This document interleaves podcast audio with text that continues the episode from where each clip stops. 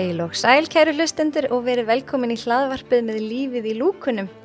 Þar sem að þáttur dagsins fjallar um fjárhagslega helsu þá langar mig að byrja því að þakka alltis.is fyrir að styðja við bakið á mér og minni á að þið geti nýtt ykkur kóðan helsuerla til þess að fá 20% afslátt af öndurarmor og misúnuvörum út oktober. Viðmælandi minn í dag er sko ekki að vera endanum Það er hann Björn Berg Gunnarsson, viðskiptafræðingur með meiru, en hann starfa við það að hjálpa fólki við að bæta fjárhagslega helsu sína. Hann heldur einni úti heimasíðinu björnberg.is og er með persónlega fjármála ráðgjöf. Verður velkomin Björn. Takk, takk fyrir kjælja.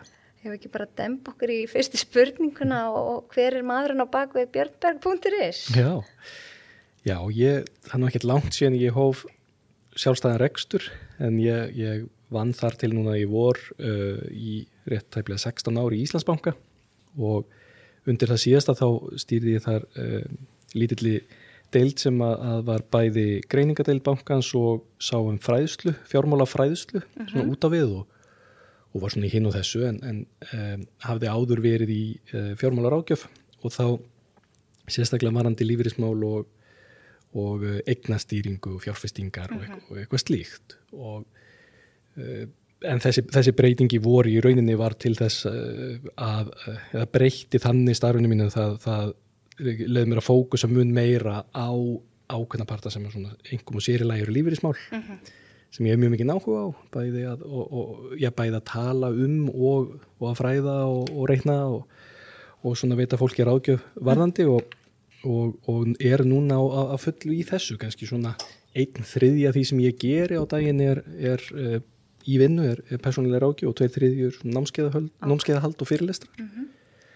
og þetta er auðvitað allt annað en að vera að vinna í, Já, í stóru fyrirtæki en, en, en óskaplega notalett og, og bara skemmtilegt. Já, aðeinslegt Og hvað, hvað var til þess að þú fórst á þessa braut að byrja að starfa í, í banka og áhugi fyrir sko, fjármálum?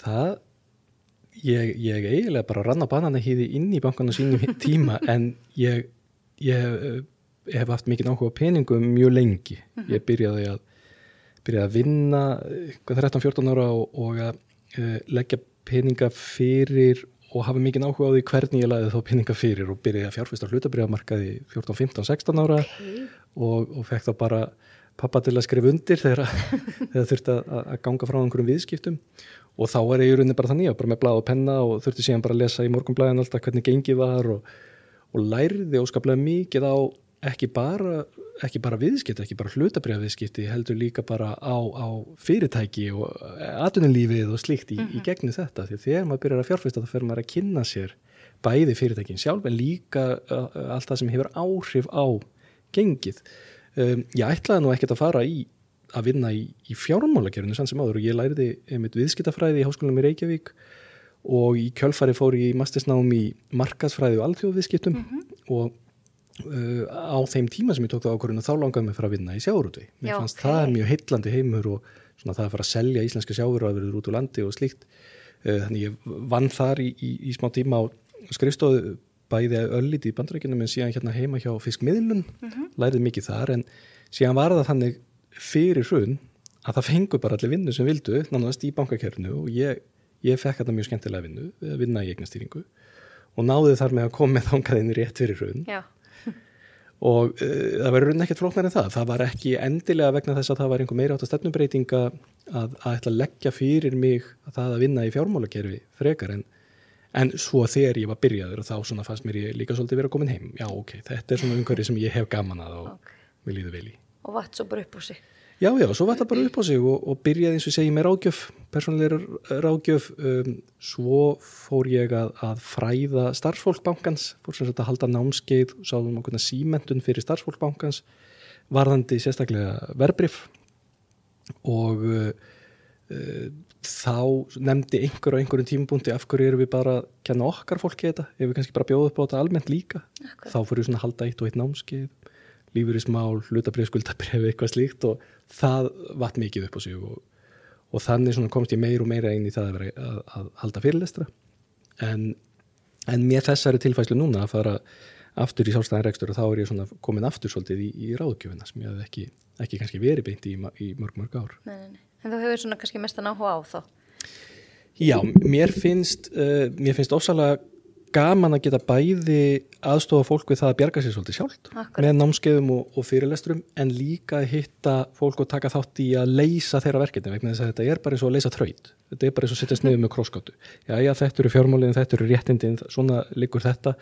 Uh, sérstaklega varandi lífeyrismálin þá er kerfi svo flókið að það þarf bara einhver túlk þarna á milli, milli almennings og, og kerfisins sem útskýrir annars vegar bara hvað er til staðar sem gefur fólk einhver ákveðna uh, hjálpar þeim að ná utanum málið en líka kannski heldur aðeins í hendunar og fólki verandi að taka ákveðnar ákvarðanir. Og jú, það finnst mér virkilega skemmtilegt vegna þess að uh, vegna þess að það er mikil þörf á því til þess að geta komið út þokkalega. Varandi lífeyrismálin, það er svo mikill ávinningur það er svo gaman að, að kveðja fólk eftir tíma þar sem að maður hefur mjög augljóslega uh, skilað einhverju miklu fjárháslegum ávinningi með, með þessari þjónustu. Það er enda ásamlegt. En þá komum við kannski svolítið að því hérna, aðal spurningunni, hvað er fjárhagsleg hilsa? Því það er nú ástæðan fyrir því ég fekk þið hingað í dag Já. og ég brenn rosalega mikið fyrir það að aðstofa fólk við að bæta hilsuna og fjármál er einhvern veginn oft rosalega viðkvæmt umræðefni. Já, Ég veit ekki hvort það hefur upplifað það eða tekið eftir. jú, jú, þau eru bara hálfgerð tabú á Já, Íslandi. Það er er bara, ekki? jú, jú, það er bara má varla að tala um þetta og líka margir maður bara engan áhuga á því. Það er til dæmis eitt sem er mjög áhugavert. Maður heyri stundum á, á Íslandi sem er svona þegar fólk er að bölva því að það sé ekki verið að kenna börnum þeirra einhver grundvallar atrið var þetta í fjármál í skólan og svo spyr fyrsta sem mér dættur í hug er af hverju þú þá ekki að kenna þetta ef þetta er einhver algjör grundvallar atrið og af hverju gerir þú það ekki? Og þetta finnst fólki bara ekki að koma til greina. Bara ég er ekki að fara að kenna börnunum mínum eitthvað á ég meina, þetta er bara eins og að segja hverju ekki verið að kenna börnunum mínum að busta tennurnar, þau eru hérna hrinjandi úr þeim tennurnar hægri vinstri og hvað á ég að gera þetta? Já, en þetta er bara ekkert partur af umræðu á Íslandu. Ég hef fundið mikið fyrir þessu uh,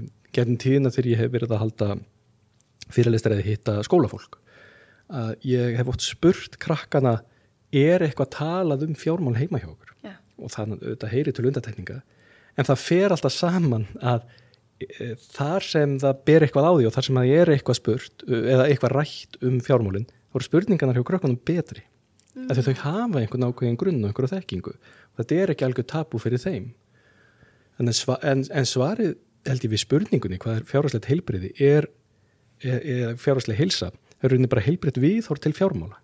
Að taka þau alvarlega eins og við tökum heilsun okkar aðra, og að, að nálgast fjármálinn þannig að, að við viljum eiga í heilbriðu sambandi við okkar eigin persónlegu fjármál.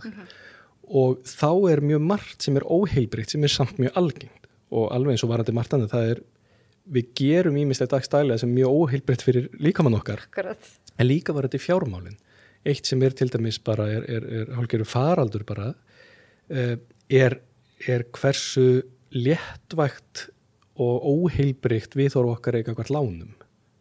Og Já.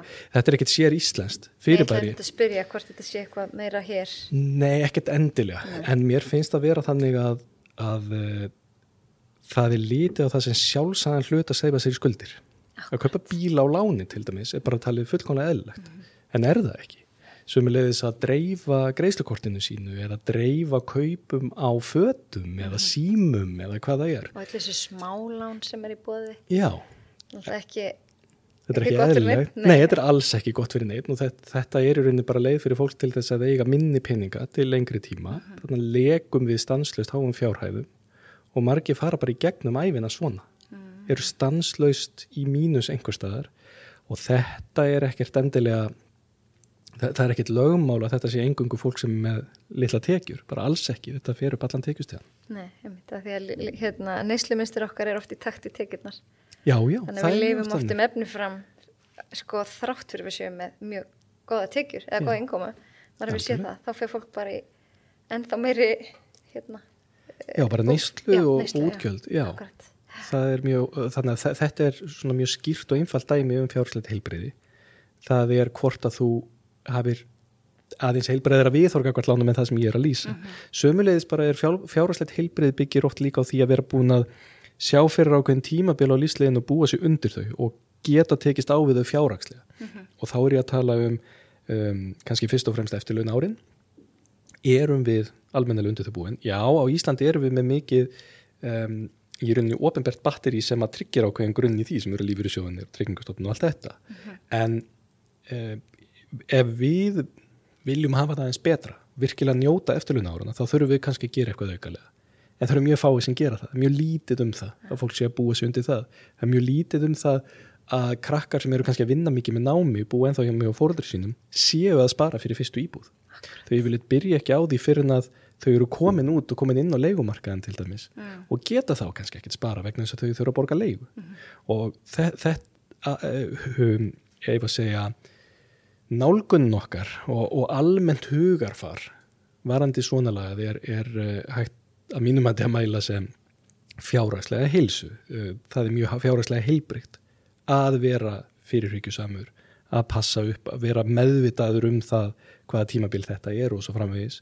Það er mjög óheilbritt að lifa í rauninni rétt af hver mánaðamót fyrir sig. Akkurat. Og, en því miður eru við flest í, í því að, að við erum bara að láta mánaðamótið rulla ja. og ekkert meira það. Hvað er það þá sem veldur þessu? Er það bara að því við erum ekki að hugsa ná viljum þetta alveg frá upphafi? Ég held það, já, ég held það. Ég, ég er alveg samfarið um það að ef, ef þetta kæmist meiri tísku að, og væri í lægi að tala meira um þetta mm -hmm. og fólk tæki sér stundum hálftíma, ég held að það sé, það er raun alveg magnað, maður myndi hugsa sér sko, er, er, er ekki er til mikil sætlast að fólk kannski setjast niður í klukkutíma á ári? Mér finnst það ekki, mér finnst klukkutíma á ári ekki vera mikið en ég held að það sé bara ekki þannig endilega, ég held að það sé í flestum tilvægum þannig að fólk er að breyðast við frekar en að búið sér undir eitthvað. Og díla við eitthvað sem kom upp. Að, ah, heyrðu, þetta var vola skemmtilegt þetta, þetta ferðalag, en núndan tekur við einhverja nokkra mánu að þinga að greiða af þessu. Og ég held að ég held að þetta sé uh, að um, við setjum ekkert út af það ef einhver sem við þekkjum er á bíl sem við vitum að ná ekki efni á eða er að fara í ferðalag sem við vitum að ná ekki efni á og, og og ef, ef að fólk er að fara mjög óvarlega uh, við erum líka, við gúturum mjög mikið um, veðmál og, og hattrætti og alls konar svona bara uh, mjög óskinsama hegðun mhm. varðandi fjármál mhm. um, mjög mikla yfirgengilega ynganæslu yeah. til dæmis og við hefum heyrt hvern, hvað gerist til dæmis í samfélaginu ofte ef einhver bendir ásónalegað það ætla allt um koll að keira þegar við verðum að tala um það að það væri kannski skynsalegt fyrir fólk að hingra þess með ferðir hérna til útlanda. Þann bara má ekki tala svona. Þá bara talaði fólk eins og það væri verið að nýðast á því að benda á einhvern fullkonlega eðlilegan hlut. Ég tala oft um þetta lífsgæða kapplöp sem er svolítið mikið íslenskt. Kannski er þetta alls þar annars það líka en ég upplifði það svo stert hér. Þú veist Já. ég á vinkonu sem eiga kannski menn frá öðrum löndum og þá blandast menningin og þá sér maður það er munur Já Já, það er greiðilega mikil þörf á því að um, njóta einhverja ákveðna lífskjara, einhvers ákveðna grunnar hvort sem að við eigum efnánum eða ekki. Já. Man hefur stundum heyrt um þetta sko, ég heyrði eitt dæmi einu sinni, sem var manneski sem að augljósláti ekki efna á að fara til útlanda, en henni fannst uh, í rauninni, henni fannst eiginlega eins og að samfélagið þetta borga ferina fyrir hennar, vegna þess að það væri bara grunn mannréttindi að geta ferið í frí. Já til heitulandana og, og eitt miklum peningum mm þannig að það væri rauninni ekki hennar Já. mál á nætti gefni á sig en auðvitað mun hún síðan þurfa að díla við díla við þetta setjum mm. þetta er mjög óheilbrið viðhorli peninga Já. Ég hérna, nú er tvolingar sem eru báðar komnar á vinnumarkaðin og hérna maður minn vinnur í fjármálageranum og er mjög skinsamur þannig að, að hérna, þess vegna er svo gott fyrir mig að spyrja þig líka. Því að, að því ég held þetta sé oft þannig að sko, svo ég var að reyna í hana að annar, sko ef það er einhverju sambandi, þá sér annar um fjármálinn hann er reyndir alveg duglegur að reyna að fræða mig en ég hef bara einhvern veginn verið svolítið bara svona oh, ok, þú veist. En það sem ég ætlaði nú að segja með úlingana að hann e, tók bara þegar fengið útborgað, hann tók bara 90% laununum og setti strax inn á sparreikning. Þannig að það höfðu bara 10% til að nota til að fara í spóðu eða hvað sem það er að gera með vinnunum. Og ég man að fyrst var önnur bara hei, byrju akkur, akkur tókstu bara all launin mín? En þetta er bara svo frábært þá, þá áttu bara ákveðna upphæð sem er bara skinsamleg þú þarft ekki að eigða öllum tekjunum þínu þú ert úlingur í, þú veist, þá sapnar þér aldrei nein. Nei, nei, Þannig að hérna, mér finnst, er og ég er bara ótrúlega þakklátt fyrir manni minn að, hérna, að vera svona skinsamur í fjármálum. En, en ég þekki alveg marga sem eru, eins og þú segir, ekkit kannski endilega spá í að reyna að vera orðin skuldlaus 55 ára eða hvenna sem er, skilur. Það er því miður. Nei, nei, það er alveg rétt og mjög mikið um það að fólki finnist eðlilegt að borga yfirverð fyrir alla hluti með til dæmis að dreifa reikningi uh, og, og það, það virkar að selja fólki þetta. Við sjáum það vegna þess að úrvalið verður aukist mjög mikið. Núna getur að fara þá bara kassan í matvörubúð. Þeir eru búið að taka lán fyrir skýrinu sem þú varst að kaupa. Það stendur bara, viltu borga með ákveðni leið sem að mun síðan dreifa greiðslunum. Uh, að því ef þú ert að nota þessa leið þá ertu vendarlega þeirri stöðu að geta ekki staðgreitt og þetta, uh, þetta nýtir fólk vegna þess að að, að, hugsanlega er bara vegna þess að það hugsaður ekki út í það hvað þetta mun, mun kosta en líka kannski vegna þess að þetta er þarna, þetta er sett í svona aðgengilegan búning. Þegar þú ert að kaupa þér síman út í búð þá er bara sagt, vilt ekki bara borga þetta 12 mánuðum? Þetta er ekki vel það sem er satt fyrst áður en er satt hvað þetta kostar eða þú staðgriðir og vegna þess að þetta er lagt fram með þessum hætti að þá mögulega lítur fólk á þetta sem sjálfsæðan hlut. Já, og svo hjálpar ekki að það eru bara allir aðrir að gera þetta líka. Já, og þá er bara mikilvægt að maður hugsi sko sjálfur bara fyrir sjálfan sig. Ég ætla ekki að vera svona. Ég veit að það eru allir að gera þetta en ég ætla ekki að gera þetta. Akkurat. og ég ætla ekki að vera að leka peningum stanslust og vera stanslust að borga einhverjum símafyrirtækjum eða böngum eða litlum sjópum út í bæ peninga í hverjum einasta mánuði ævilangt fyrir einhverju úlpu sem ég keipti einhvern tímann. Akkurat. eða ferðalega sem ég fór einu Einmitt. Eða taka með þessu næst í vinnuna, þú veist, það sparar ekkit smá.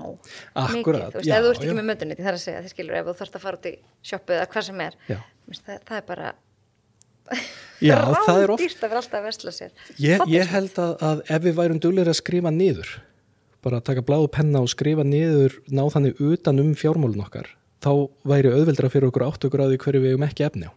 Og stundum er það þannig að fólk heldur að það er efni á svo mörg og hlutum á sama tíma. Að ég er alveg viss um það að til dæmis fylgta krökkum sem eru útskrifast úr mentaskóla líti á það sem sín mannréttindi að fá að fara í heimsreisu alveg saman hvað það kostar að því að einhver segja að svo holdt fyrir alla að fá að skoða heiminn já, já, en ef þú ert að fara í heimsreisu þá ert ekki að fara að geta kettir íbúð ekki nema miklu, miklu setna en alla þú ert ekki að fara að geta verið á bíl líka þú ert ekki að fara að geta borga fyrir dýrt nám.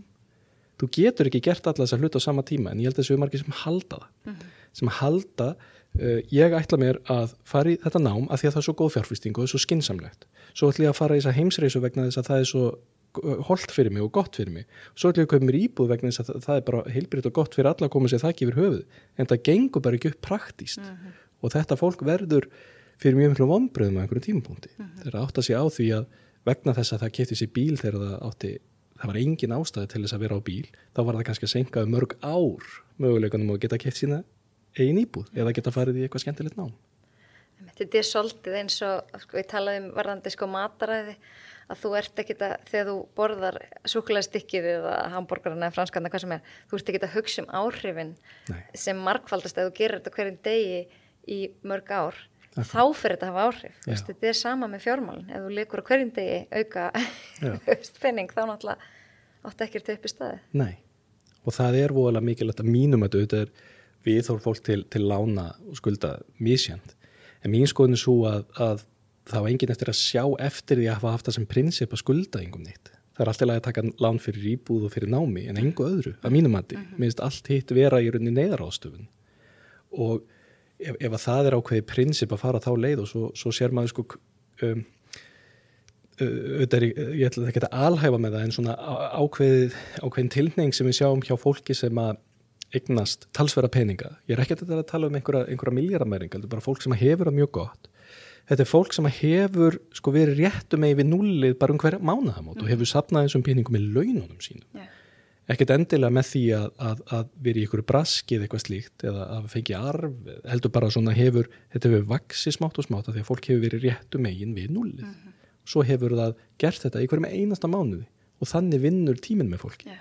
eftir því sem tíminn líður og það bætist ofan á þetta og því meira ert með því hraða vexta og þannig vex auður hjá fólki og eitt líkilatri og einn forsenda þess að þetta sé hægt er að þú sért ekki að leka út á hinum endanum einhverjum afborgunum og, og, og vöxtum Ég heyrði einhvers staðar að við Íslendingar notum kreditkort svakalega mikið, jafnvel meir en aðra þjóðir. Já. En væri þá jáfnvel bara skynnsamlegra að taka út reyðu fyrir þó að það sé mjög sjálfgeft í dag af því þá sérðu nákvæmlega hvað þú átt.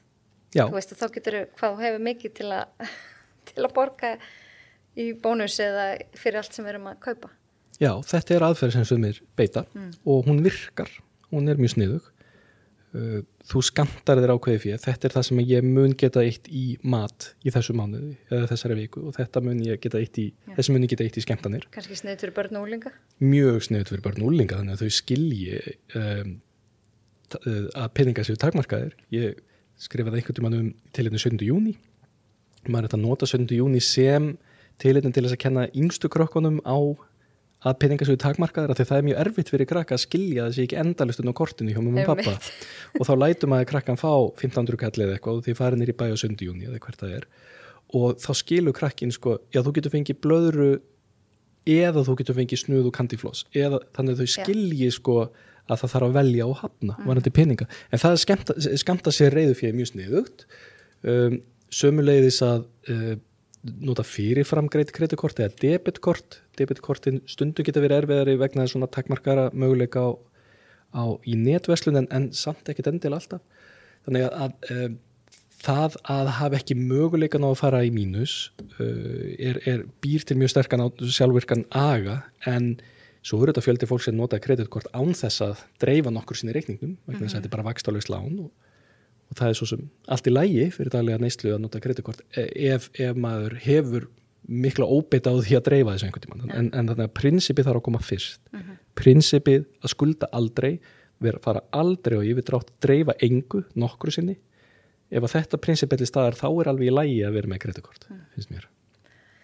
En ef við tökum þetta aðeins saman, hvernig byggjum við þá upp fjárhagslega heilsu og viðheldum henni? Já, það er enda, það er enda mjög góð spurning hvernig maður viðheldur slíku.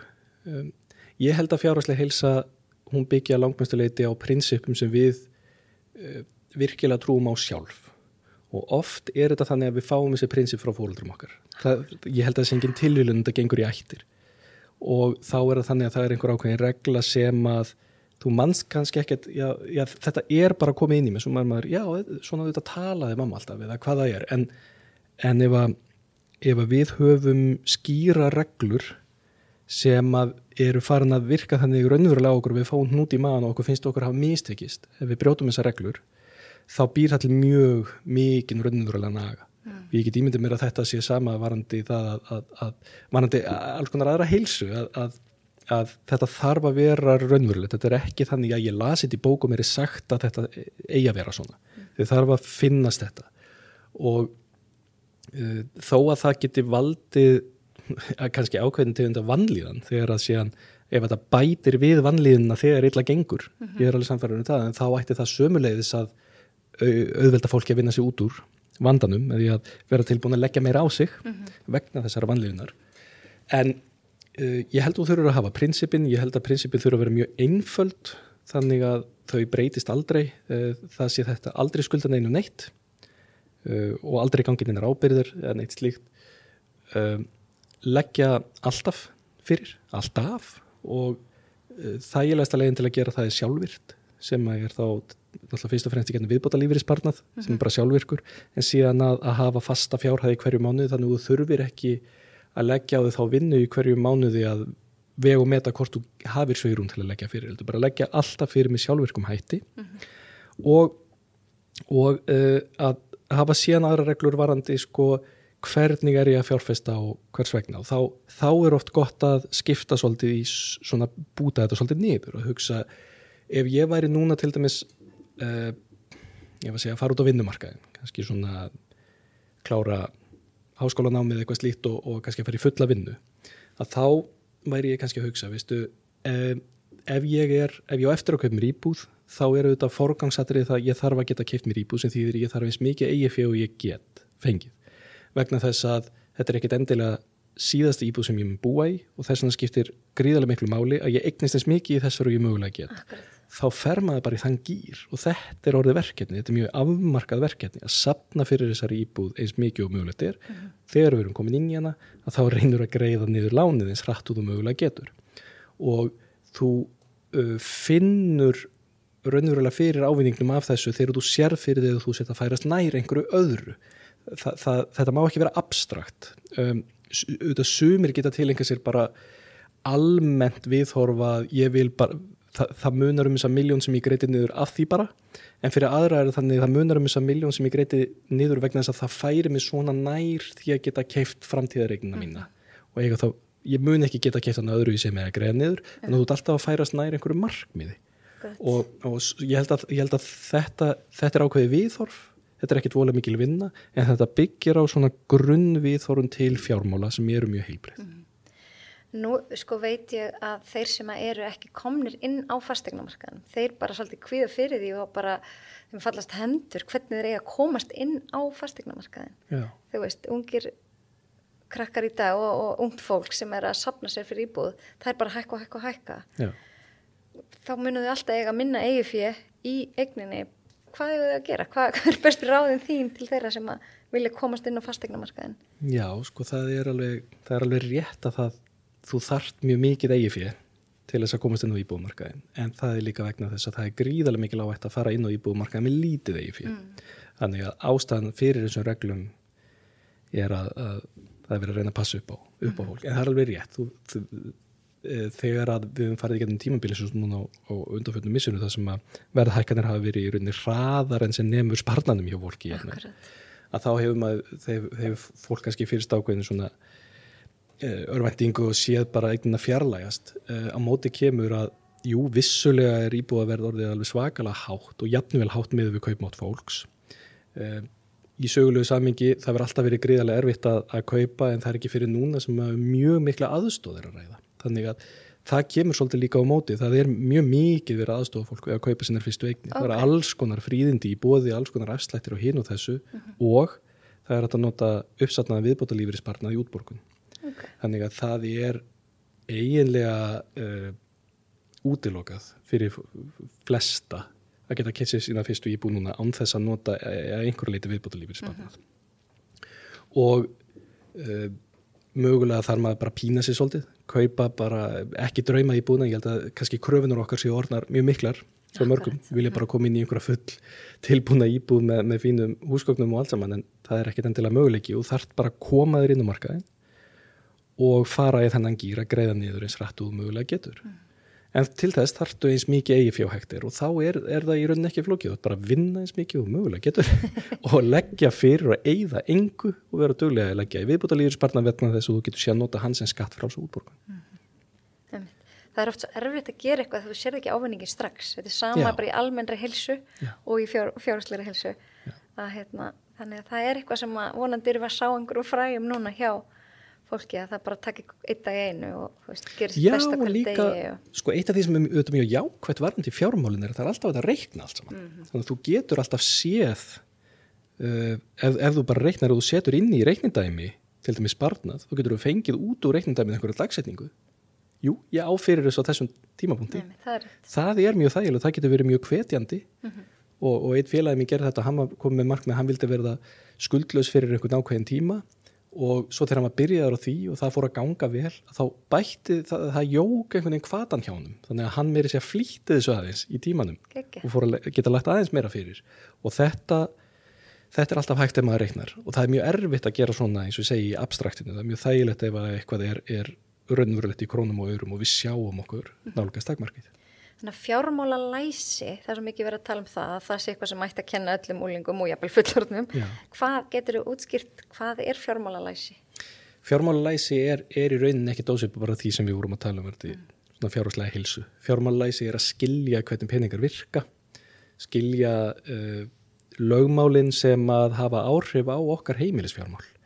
Að geta bæði skilið það... Um, þessi óbúslega innföldu dæmi sem maður hefði haldið, bara kaloríur inn, kaloríur út, varandi peninga sem er bara nákvæmlega þannig. Mm -hmm. þú, þú tekjurnar þínar verða að döga fyrir útgjöldunum og ef þær gera það ekki, þá verður annarkort að auka tekjurnar eða draga úr útgjöldunum. Mm -hmm. Og það sem þú verður líka að gera er að þú verður alltaf að spara í hverju mánuði. Þú mátt ekki eigða öllu sem þú tekur inn. Þetta er mjög einfalt, þetta er eins einfalt og reynindæmi getur verið. Þetta er grunnurinn í, myndi ég held að fjármálæsi er að skilja þetta lögumál síðan er þetta að halda endalust áfram með það hvað hefur áhrif á þetta allt saman. Fjármála læsi getur verið það að skilja launin sín, að skilja það að hægt sé að sækja sér mögulega meira með yfirvinnu, uh, hvernig þú semur, hvað fælst í þínum kjarasamningi, hvernig þú selur þína vinnu utan, utan föstu vinnaðinnar eða utan vinnutíma, hvernig þú getur sóttur aukatekjur, hvaða skatta þú greiðir, hvernig þú getur stilt upp útkjöldinu, hvernig þú býr til sparnarplan, hver munurinn er ólíkum uh, lánaformum. Þetta er allt saman fjármála læsi og ég held að sé mjög skýrt að til dæmis að benda á dæmi um lélegt fjármálulæsi. Dæmi um lélegt fjármálulæsi er til dæmis það að dreifa kaupum, að kaupa eitthvað með greiðsludreyfingu. Ég held að ef það er ekki lífsnöðsynlegt að þá á enginn að vera að kaupa sér buksur eða snirtifurur og dreifa reikningnum, þá er, þá er viðkomandi augljóslega ekki fjármálulæs. Mm -hmm. Ef viðkomandi ekki, fær ekki gríðalega húnt í magan við það, þá er viðkomandi ekki fjármálulæs. Þá vantar grunninn algjörlega. Mm -hmm og þetta þurfum við aðeins að koma meirin í umræðan að fólk kveiki á þessu að því að það áengin að vilja vera ólæs á fjármál á, á algjör grundu allar aðrið að því að það, þá töfum við bara peningum það, það er ekkert gaman er, að því að við erum öll að reyna að vinna og reyna að þjena og, og sjáum kannski fyrir okkur að geta gert eitthvað við þessa peninga en e, ef við erum stanslist að gera einhver lítil fjárháslega mistök sem við töfum peningum á þá dugar vinnan okkar ekki eins og við vorum að vona. Nei. Og þá komum við náttúrulega að því að hvað sko, slæm fjárhagslega helsa getur haft svo gífurlega neikvað áhrif á almenna helsu. Hvíði, uh, tókstreita milli maka eða ættingja, veist, áhyggjur, duga ekki fyrir mánamótum, allt þetta, þú veist. Já. Þetta er náttúrulega bara bein aflegging af að þú ferð illa með fjö. Já, ég er bara alveg hjartanlega sammála því. Ég minna að það er, eins og við nefndum í upphæfi varandi það að, að við stillum ofta neysluna með við tekjunar okkar mm -hmm. þannig að það getur líka búið til uh, pyrring og tókstreitu varandi vinnuna okkar við getum orðið pyrruð yfir því að vera ekki að fá herri laun fyrir vinnuna sem við verum að vinna vegna þess að það er ekki að döga fyrir útgjöldunum sem við höfum núna. Ef, ef fjár, eftir því sem fjárhastlega heilsa batnar að þá, þá verður léttara yfir okkur og, og, og ég held að, að almenn heilsa okkar hljóti að batna mikið við það. Ekki spurning.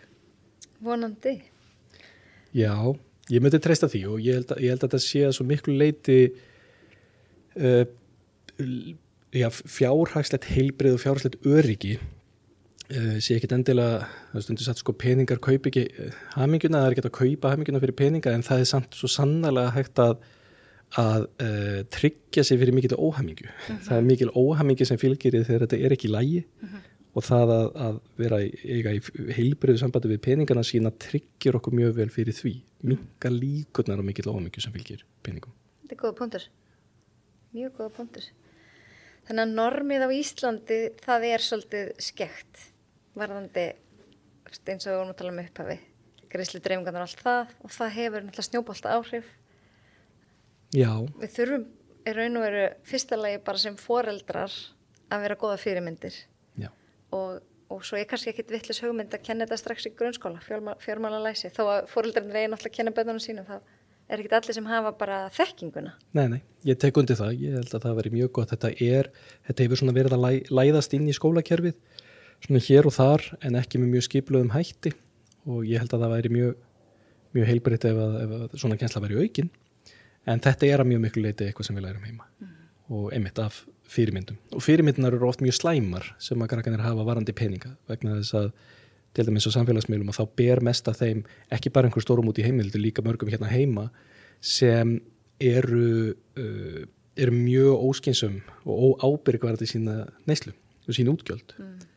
og þetta eru fyrirmyndir krakkana sem er mjög erfitt þá að ætla að vega einhvern veginn að vinna upp á móti og, og, og vinna gegn uh, sína krakkanum að það sé nú skemmtilegra að að spara hérna aðeins til þess að geta verið sjö mánuðum fljótari að kaupa sér íbúð einhver tíman eftir tíu ár heldur en það að, en það að, að kaupa sér einhverja, einhverja, einhverja, tösku sem að kostar e, peninga sem að sem að maður ma skilur ekki maður skilur ekki verðmæta matið. En það er oft vegna þess að, að við erum gríðarlega mikið velmeðan á samfélag alveg óbúslega mm. og að meðaltali höfu alveg óbúslega gott sem þýðir að það er svo mikill fjöldi af fólki sem við sjáum og tökum eftir sem hefur það svo óbúslega mm. gott að við erum alltaf að bera okkur sama við að metast uh, á móti þeim en við mögum ekki gleyma því að mjög mikið af þessari neyslu sem við erum að sjá er tekin að láni Já. þannig að þetta er ekki endilega þetta, þetta gefur ekki alveg rétta mynd af fjárhagslegu stöð, stöðu fólks það er, eru fjölmargir sem að láta mikið á sér bera sem er ekki krón En svo er líka, finnst mér eins og ólingar sumir gangi 50.000 krónar skóm og eitthvað beltis sko, frá einhverju ákveðnu merki sem kostar bara augun úr Já. og allt þetta. En ég heyrði svolítið skemmtilega sögum daginn, það var hérna, fólk sem var á svona skemmtisiglingu, það er náttúrulega mjög dýrar Já. og þegar þau stoppuðu í hérna, einhverjum eigum þá fór sagt, allt þetta ríka fólk frá borði og fór og kefti sér gerfi töskur, Louis Vuitton og hvað sem þetta allt heitir, Gucci og eitthvað og, og einhver spurði, ha, byttur þú ekki bara gerfi? Já, hvernig heldur ég hafi efnað í skiluru að, að fara í siglinguna? Já, akkurat. það var þeir ekki eigið í eitthvað böll. Einmitt. það er þetta mjög góð bútur. Þú veist, þannig að þess, þú veist, flestir sjá ekki munin á alvöru tösku og, og, og gerfi. Nei, þannig að þú veist, ef þér er nákvæmlega sama þá sparaðu þér 40 skall eða hvað sem það er. Algjörlega því að auðgatan getur orðið svo svakalega mikla mm. þetta er eins og að annarkort þurfiru engungu að gangi í einhverju hérna vegan eða endur nýttu eða, eða notuðu eða þá einhverju algjörlega yfirgengilu og það er náttúrulega ofbáslega skrítið ef, að, ef að við erum líka að bera saman bara þýfi eða bara falsaðar vörur, bara glæpa menn að mm. selja einhver eða þá eitthvað sem að, maður á ekkert að vera að skita sér að sem er allt og allt og dýr Akkurat. en þetta, þetta er þetta er svona þörf fyrir neyslu sem er algjörlega tilbúin uh mhm. -huh. og er algjörlega óþarfi og ég held að það sé partur af því að þroskast að, að, að, að vera á þann stað að þetta býti ekki á okkur og það er oft svona þessi förum aftur á þessu dæmi sem ég var að tala um, um, um þennan aðalega sem að taldi að vera rétt sinna að geta farið til útlanda alveg óhauði hvort þetta efnaði eða ekki ég held að þessi margir sem hugsa þannig bara varandi aðra nýslu ég bara mér veist að þetta bara verður mannrítindi uh mhm. -huh. ég ætla bara að eigða svona miklu svo þarf ég að takast á við það setna uh -huh. en svona fólk mun kannski alltaf þurfa að eiga við fjárhagsvandri alveg óháð sínum uh, tekjum, get ég mynda mér? Akkurat. að þetta er afskaplega óheilbrið uh -huh. og við sem fóröldar þurfum kannski bara að byrja strax þú veist, eh, allir vinnum minn er að fyrir ísbúð. Já. stundu það maður kannski bara að vera leðilegur en þú er búin að fara tvisar ísbúð í vikunni þú veist, líka við, það, því að þetta er svo algengt að hérna, þurfa að taka þátt í öll að gera allt. Það, það byrja snemma. Já, það er bara mjög erfitt. Ég man að, að eins og sínum tíma þegar ég fermdist þá man ég að það var svona umræða um, um, um hérna við vorum að spura akkur að fermast? Og það var, það var engin allavega í, í mínum hópi sem var að fermast vegna eh, einhverja yfirnáttúrulegra trúabræða eða eitthvað slíkt, það var engin, það var engin kristinn þarna, það var, engin, það var engungu vegna þess að, að krakka vildu halda veislu til þess að fá penning og, og þarna var þá auðvitað þannig að uh, það var svo fullkonlega eðlert að gera þetta til þess að fá alla peningana.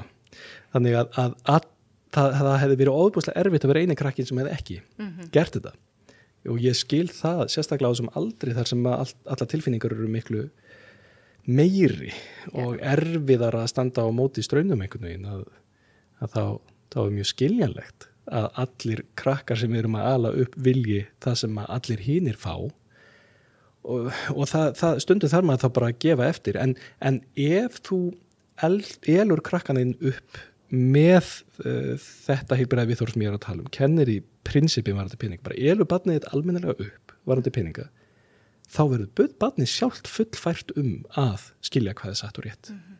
og eðlilegt í þessu yeah. og ég held að margi fóreldrar verði yfirgengilega uh, stoltir af börnunum sínum þegar þau fara að nema þetta á þeim mm -hmm. barnið mitt er farið að gera eitthvað skynsilegt eins og, eins og eitt dæmi sem ég heyrði sem var, var hérna sem gerir sanning við fóreldri sína um það að ætla að fara að sapna fyrir íbúð. Það er bara, já, já, nú er ég í, í mentarskóla og ég ætla að byrja hérna að sapna, ég er að vinna náttúrulega að leggja fyrir, fóreldrina þetta var rosalega stoltir. Þá sagði, e, e, má ég ég ætla að leggja fyrir hérna tíu skallar mánuð eða hvað það er, má ég leggja þið nú reikning hjá þér og má ég gera samning við þið um að þú jafnir það? Þannig að fóreldrina borguði tíu skall, krakkin borgaði tíu sund, þá verður þetta hvatið þetta fyrir badni að því ef að badni myndi hægt að spara þá fengi það ekki lengur mótframlægi frá fóröldurinn sínum mm. og, og um, en ég held að ég skil mjög vel fóröldrið sem að tók þátt í þessu vegna þess að þetta, þetta ber vottum svo heilbyrðið að nálgun hjá krakanum mm -hmm. og svona samband á milli fóröldra og badna er, er alveg frábært mm -hmm. og elur krakkan upp með því að bera virðingu fyrir pinningum og sína smá rádeild og skynsemi og, og hérna ég verð bara enn og aftur að hrósa manninu mínum að því að eh, sko, ég, hann, þetta er allt hann. Með, þegar börnin okkar voru lítil þá hérna, þegar elsta var sanns að fara að kaupa sér hjól þá hérna sapnaði hann sér sjálf fyrir því. Og það var svo fallegt, Já. það var svo gaman. Og hérna svo einhvern veginn einlagt og þá þurfti hún virkilega að vita bara vá, þú veist. Þannig að þegar hún byrjaði svo að vinna þá fannst mér svo gaman að heyra hún sagði vá, ég þarf að taka eina vakt til þess að vefna á þessu. Já, já. Veist, eða, eða ég þarf að vinna svona mikið þessu mánu til þess að geta gert þetta. Já. þannig að ég veist að það er hana, það er mjög skynsalegt og þá skilur hún líka sko að hún þarf að vinna svona mikið til þess að geta þetta en þá getur hún ekki eitthvað annað á sama tíma. Mm -hmm. þannig að hún þarf að hún skilur þá miklu meira líka bara vermæti hlutana Nei. En við fengum alveg að heyra það á tímabili sko ég fyrir að borga sjálf og hjóli sjálf og svo fengur sískinn hennar að nota það nei, nei, ég held þetta sé bara kennir börnum alveg svakalega mikið að vita eins og segir sko þau halda bara þessi endalustinn á kortinu. Maður er oft heyrt það. Nei, ég, við hefum ekki nóg fyrir þessu. En þú er með kort. Já, akkurat. En það er svo sko en hérna, þú gafst út bók, var það í fyrra? Uh, það var í hitti fyrra. Fyrra, peningar. Já. Hún fengið rosa góða dóma. Já, takk, það gekk alveg vonum framar. Já, Já. Er, er, sko, ég veit að alls konar skemmtilegt í sér bók, ég hef heyrt það, þessi skemmtilega nálgun. Er eitthvað sem þú getur tekið eitthvað svona dæmi sem getur tengst fjárhagsleiri hilsu eða fjárhagsleiri örgi eða Já, svona... nú þarf ég aðeins að róta í, í kollinum á mér. Sko, uh, bókin er kaplaskipt eftir... Uh, svona, ég, ég er runn alltaf að líta á baku tjöldin þannig að ég er kannski að tala um tónlist eða kvikmyndir mm. eða, eða nýlendu ævintýri eða töluleiki eða hvað það er og ég skoða svona áhugavera sögur og staðrindir varandi fjármál hliðarnar mm -hmm. af þessu en ég fer sömulegðis aðeins í peninga og fjármál og, og slíkt eh, það er kannski eitt dæmi svona varandi fjárfestingar sem var svolítið áhugavert sem að gerist árið 2008 því að, að eitt af því sem að margi sækjast í eru uh, mjög áhættu samar fjárfæstingar og það má nú það má ekki tala um peninga þess að vitna í, í einn ein, hérna 300 ára gamlan sem heiti Warren Buffett hérna fjárfæstir frægur sem að saði eins og mér finnst það svo skemmtilega orða hann saði það er þegar uh, þegar sko fjarar undan flóðinu þá, þá sérðu hverjir ekki sundskilu. Þá kemur það í ljós hverjir hverji standa illa og það gerist alltaf. Annarslega, ég minna við bara hugsaum aftur 20 ár, ég minna hversu margar efnahagsveiplur höfum við gengið í gegnum, ekkert bara á Íslandi heldur, mm. -hmm. heldur alltaf, en þetta sérstaklega á Íslandi. Mm. og uh, þegar hann er að tala um þetta þá er hann ofta að tala um skuldsetningu. Þá er hann að segja sko að jú það er kannski borga sig að vera skuldsettur og, og, og þá vex allt voru rætt þegar vel gengur en þá getur það lent ekstra illa í því þegar fjara rundan og ég hef stundum verið að nefna þetta við sérstaklega ungd fólk, sérstaklega krakka sem eru mjög agressífi fjárfestingum sem að kannski byrjuða að fjárfesta rétt fyrir COVID þegar vexti fóru lækandi og það skipti yngum máli hvort ekki þessu rafmyndir eða hlutabref í, í gríðala á þessum fyrirtækjum eða bara hverju sem er sem að var áhættu samt, allt hækkaði mm -hmm. og þetta bjóð til gríðilega mikið sjálfströst hjá þeim það sem þau töldu og þau hefðu sko náðu svo miklu márangri sjálf með því að velja. Þau völdu, svo, þau voru svo klók. Mm -hmm. og það var eitt sem gerði sem ég segi frá í, í, í bókinni þegar ég er aðeins að tala um það að skortsala sem þýðir að alltaf græða því ef eitthvað lækkar var, uh, getur hatt mikil áhrif á markaði og til og með Napoleon til og með spannaðan með lögum á sínum tíma. En það sem að gerðist uh, í hruninu 2008 var það, það voru auðvitað var alveg eitt sem var alveg ljóst að því að hrunin var allstaðar og öllum, öllum þróðumörkuðum var þetta hrun og það var alveg ljóst að fólk var ekkert að fara að kaupa sér nýjan bíl. Mm -hmm. það var svona eitt af því sem var alveg ljóst að var ekki að fara að gerast. Og þá eru fjölmarkir fjárfæstar sem fóru á skort selja, selja hlutabrið í Volkswagen sem bara vennir við hlutafélag skráð á, í kaupöll og skort selja því það að þú uh, fari lánuð brefjá einhverjum sem á brefin og þú bara segir, ég skila þér brefunum setna og ég borga þér þóknun fyrir þetta. Þannig að sá sem á brefin, hann tapar ekkit á þessu. Hann, hann fær brefin sín tilbaka og smá vexti ofan á. En þegar þú færður lánu þá selur þú brefin og fær peninga og svo býður þú og býður eftir að brefin lækki í verði og þá setna kaupir þú sama fjölda af brefum tilbaka á mm. læra verði og skila þeim mm. og þá ertu búin að græða þarna meira en sem nefnur þessari leif, kostnæðinu. Og þetta töldu margir sér geta gert út af fólksvækjan í hrunnu því að það gati ekkert annað en lækkað í verði. eðlilega, það er algjörlega lógist um, þetta var hins vegar gert yfirleitt með mjög mikil skuldsetningu líka en það sem gerðist var að, að það voru margir að uh, skortselja. Svo er bara hruni í fullum gangi og ekkit í fréttum annað en bara hvert landi á fætur öður er að falla. En samt uh, hækkar verðið á fólksvækin fólk verður ekki að guðminn góður, af hverju er þetta hækka? Og svo bara hækkar og hækkar og þeir sem að hafa skortselt að þeir fara að panika. Og þeir fara að hugsa, heyrðu, ég er að fara að lenda á þeim stað, ég verða að fara að skila brefunum. Það sem hefði gerst var að það hefði komið í ljós að, að eigendur þessara brefa sem að höfðu verið að lána þau voru annars vegar mikið sveitafélu í Þýskalandi sem voru aldrei að fara að selja hlutabriðin sín í fólksvækinn, alveg saman hvað gerðist og fjölskyldat Ferdinand Porsche sem stopnaði fólksvækinn.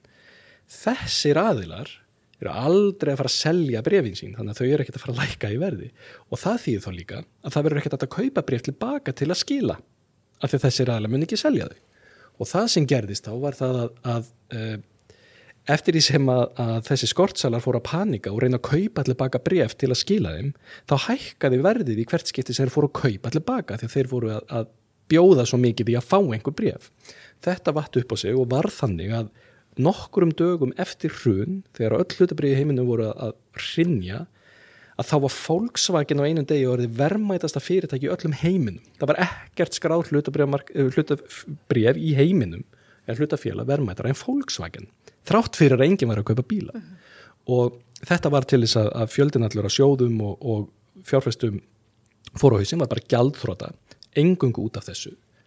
Og er dæmi um það hvernig um, hvernig markaði geta hefða sem er undarlegum hætti sem eru kannski ekki endilega lógiskir mm -hmm. og hvernig það getur komið í bakið og fólki að taka mikla áhættu á mörguðum uh, varðandi fjármála læsi að þá sá þetta enginn fyrir en núna vitir þetta allir að því að það er allir búin að læra þessari reynslu mm -hmm. og mhm. reyna að sjá svona laga fyrir en, en ég held að í, í, í bókinu minn er ég að er kannski ekki mikið að segja svona sögur en ég er svona aðeins að reyna að sína hvað peningar geta verið sérkenleir hvað undarlega hlutir geta gerst og, og hvað maður þarf stundum að vara sig Margur verður það auðrum api Já, akkurat, það, það getur verið eh, vegna þess að tilfinningar skiptur svo miklu máli þegar við erum með peninga að okkur hætti til að ofmeta eigin getu.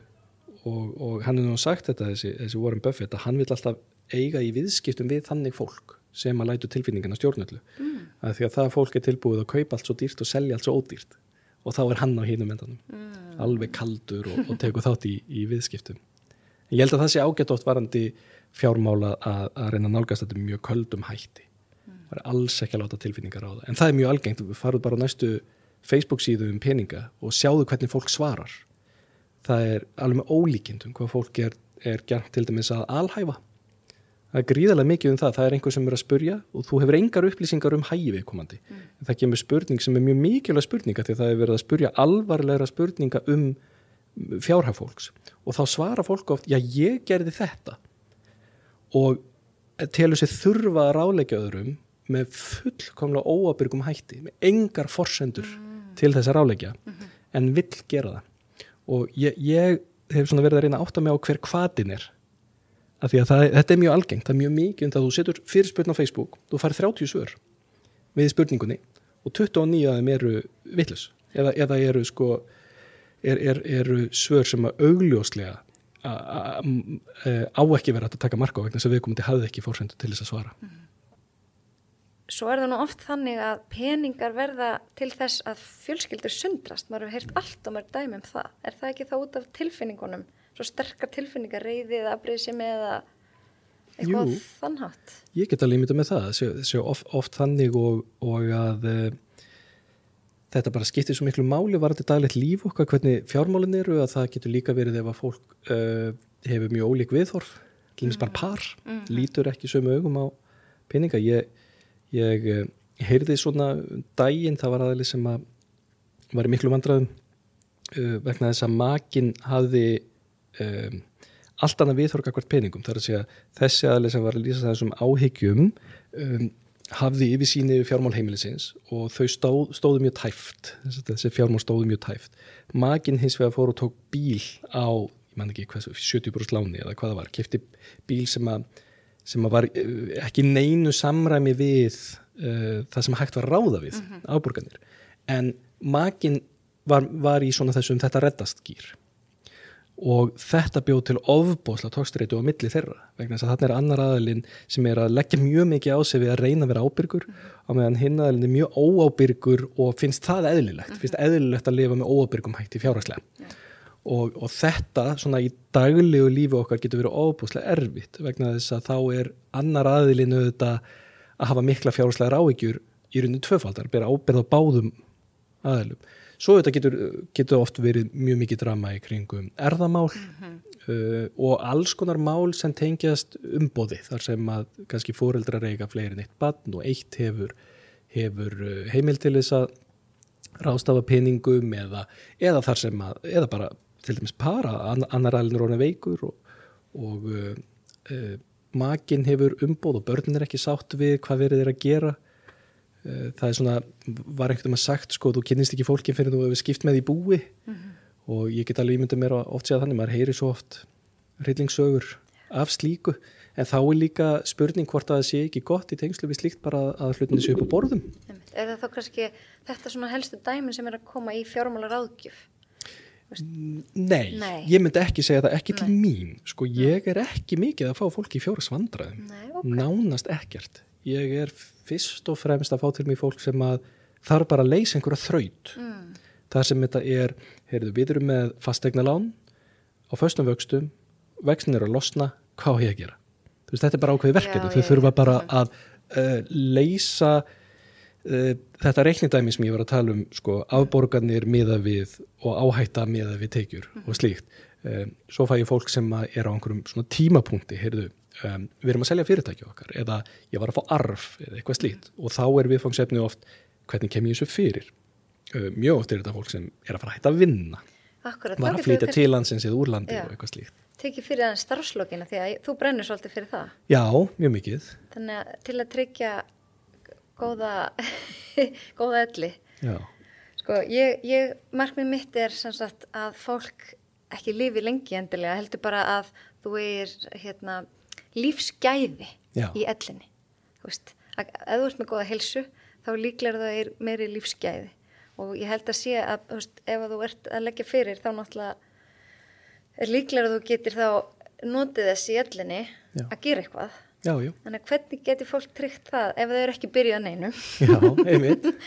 Er á vinnu markaðanum Já, sko það er það er nefnilega alveg hægt uh, og það er auðveldar eftir því svo dýgri en þetta er alltaf hægt.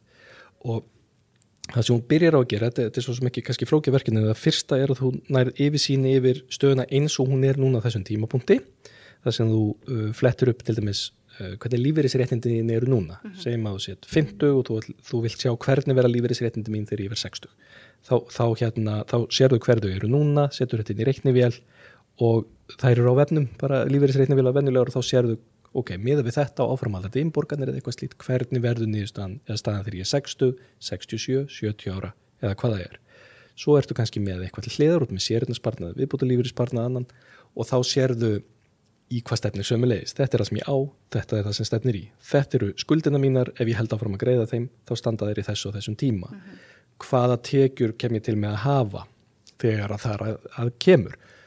Og síðan notaru uh, ferðu að leika þér í, uh, á útgjaldahliðinni og ég bjóð til inn á, inn á vefnum mínum, inn á björnberg.is það er stundur reiknivélar og það er sérstök reiknivél sem heitir útgjaldareiknivél vegna fjármálu og þá, uh, þá setur annars vegar inn allar tekjunæginar á þessum aldri þannig að þú segir, heyrðu ég er 60 þá er þetta samalagar tekjur á heimilinu eftir skatta á þessum tímapunkti og svo tvískiptir útgjöldunum þannig að þú setur annars vegar inn lífsnöðsynli útgjöld sem er bara uh, matur, vatnaramagniti, allt það og, og hérna, afborganir og tryggingar og, og hérna, faraskjótið. Þannig að þetta er það sem þú þarf til þess að geta að lifa af. Mm -hmm. Og svo ertu með, þar fyrir neðan, ertu með valfrjáls útgjöld og uh, í þessari reiknavill þá sérðu balansin á þessu byrtast á grafi, hvort þú eigir fyrir þessum valfrjáls mm. útgjöldum með að þess að tekja svo nátt að gefa upp og þá ferða að færa einn, jájá, hvað væri næs á þessum tíma? við ætlum að ferðast fyrir þessa peninga við ætlum að, þú veist, áskriftir af þessu, matur út að borða allt, allt svona og ef að þú átt fyrir þessu, þá er bara frábært. Þá stefnir í það að þú er efnað þínum drauma starfslokum, mm ef ekki ef, ekki, ef þetta dögur ekki þá er bara 20 stöðinni annars vegar að annarkvort að draga úr væntingunum eða þá auka tekjunar og e, það gerur þá með því að reyna að spara meira. Með því að leggja meira fyrir passa og sért að, að allavega uh, sért að leggja þín 4% viðbúta lífið sparna og fá mótframlega þú getur reynt að semja við vinnuveitandum að fá ennþá meira mótframlega, þú ert í sterkri stöðu kakvart vinnuveitanda, hann má greiða 2 miljónir til viðbútar í við, við það sem kemur fram í kjærasamningi í viðbúta lífið sparna svo reynur að leggja fyrir eitthvað í hverju mánuði og þú nota reikni vélar til þess að alltaf að færa þig á þennan tímapunkt. Já, já, ef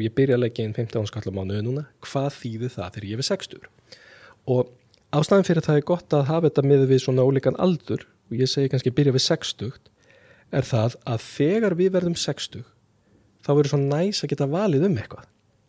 Að, að eini valmöguleikin sé ekki sá að þurfa að halda áfram óbreyttu heldur mögulega að geta minkað eins við þessi vinnu hugsanlega verið kannski meira í útlöndum um, farið í vinnu sem borgar ekki eins vel.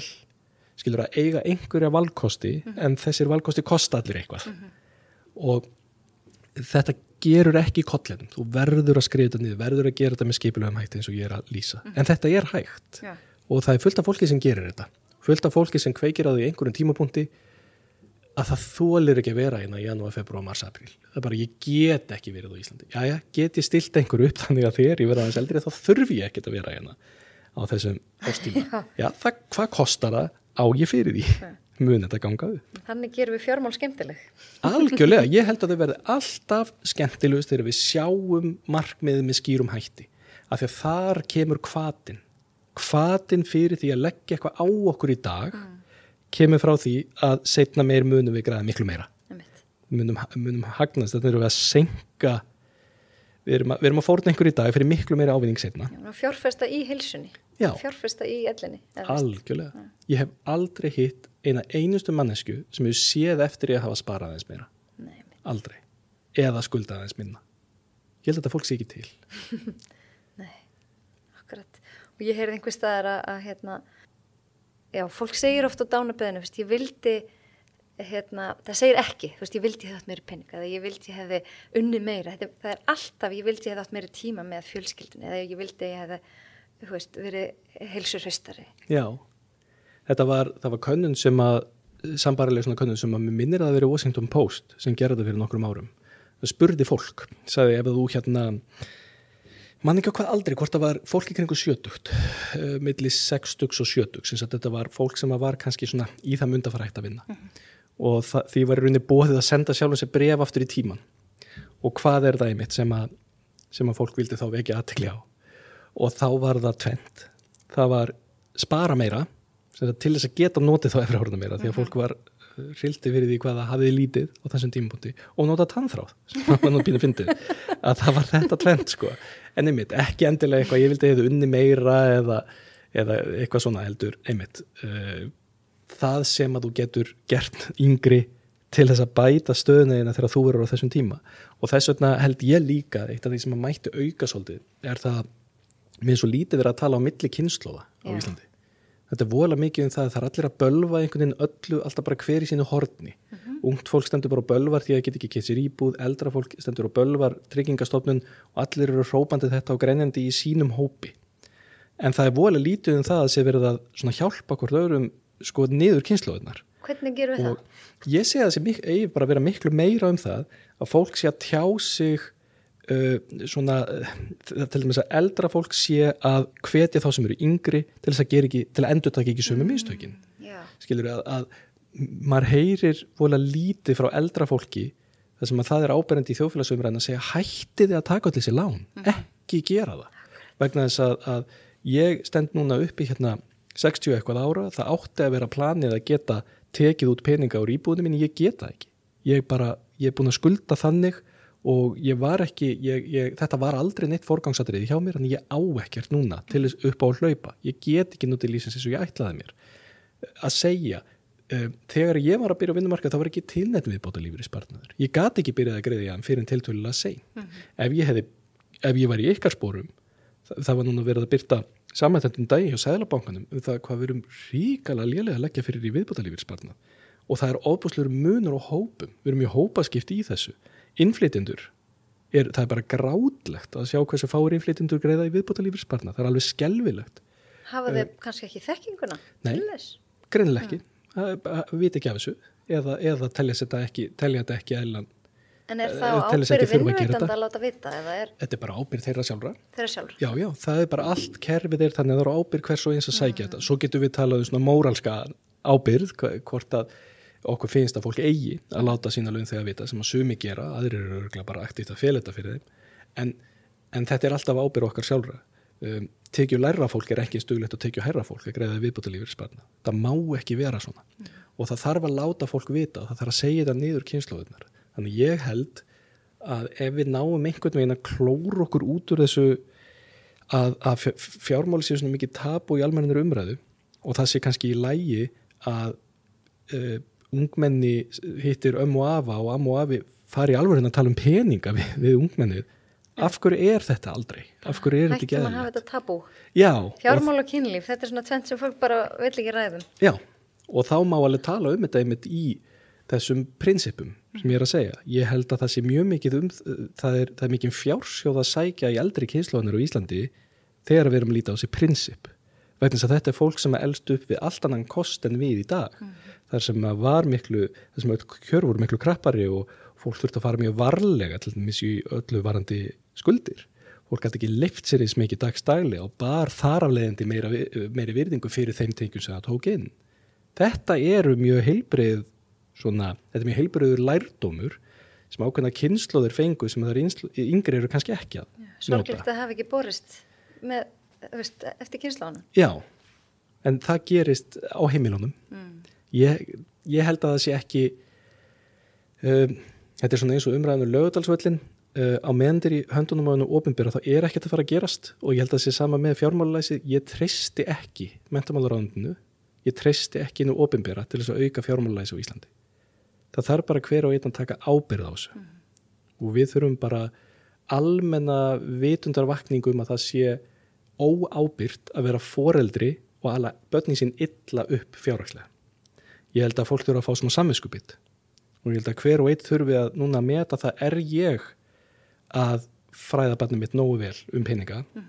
Og ef svarið er nei en hvað er hann að segja þetta? Ég veit ekkert hvað ég á að byrja eða hvað ég á að tala um. Og þá er vandamálið það að þú ert fullorinn manneskja sem að skilur ekki grundvallaratriði varandi heimilisfjármál. Og þ- það er eins og að vera fullorinn manneskja sem kann ekki að nota tannþráð. Já þá bara lærir þú að nota tannþráð og kennir svo barninu þínu að gera það Þetta er mjög góð punktur. Ég, ég vona að ég hljóm ekki eins og ég sé eitthvað predikað þannig við fólki. Mér finnst þetta að vera, um, það er, ríkið er alltaf auðvitað blórabökull og það leysir engan vanda að segja þetta er ekki kent í skólunum og þá er bara umræðinu lokið og þá ætlar bara að leifa börn, barninu þínu að missa af þessari mentun. Þeir eru bara allir að byrja ábyrð á sínum einn fjármálum. Það er Já. bara. Ég held það. Og þá komum við að því sem er svo merkilegt, alltaf nægja að tengja. Við erum með lífið í lúkunum. Já. Algjörlega, þetta er bara, við erum bara með þetta sjálf, þetta er svolítið á ábyrð okkar sjálfra. Við búum blessunlega í samfélagi þar sem við höldum þokkarlega vel utanum hvert annað, misvel varðandi heilbriðið, varðandi fjármálulegsi og fjárháslega heilsu að þá höfum við gríðarlega þétt og mikið öryggisnet en, en við erum ekki mikið að íta fólki í það að menta sér sjálft eða fræða sér sjálft. En það er til mikils að vinna að, að bæta úr því. Algjörlega. Einn loka spurning sem ég spyr alla. Hvað er heilsa fyrir þér? Um, ég ætla, að heilsan sé ekki að, að ná annars vegar að draga úr líkunum á áföllum uh, og, og hins vegar að geta notið uh, lífsins án trublana skilur að, að hvort sem það er varandi líkamlega heilsu eða andlega eða, eða fjárhagslega þá er að þetta svona að, að hlutinni séu í nægu lægi til þess að þú getur notið alls annars. Að því að ef eitthvað að þessu er í miklu ólægi þá hefur ekki tækifæri eða færi á að njóta hins. Þetta hangir í rauninni allt saman held ég. Mm. það þurfa allt saman að vera í lægi annars, annars, annars getur allt saman verið í ólægi Allt þetta jafnvægi sem við þurfum að finna. já, Æðislegt. Herru, takk fyrir þetta frábæra spjall. sömulegis Ég er fróðari og vonandi hérna, allir sem eru að hlusta líka. Og hérna, ég ætla að fara að taka meiri ábyrð sjálf. Af því ég held að sé oft þannig að annar makin sér meira um fjármálinn en hinn. Og hérna, þó að ég viðkenn alveg að ég er ekki eðslukló en alltaf verið svona nokkuð sparsum þannig að það er kannski líka uppeldið, maður veit ekki. Já, en, en, en á móti kemur að það er mikilvægt að allir viti samt stöðuna á heimilinu og taki þátt og fræði börnin sín. Já, ef við eigum börn, akkurat. það er ekki bara. Jú, Það er takk enn og aftur. Takk fyrir að bjóða mér.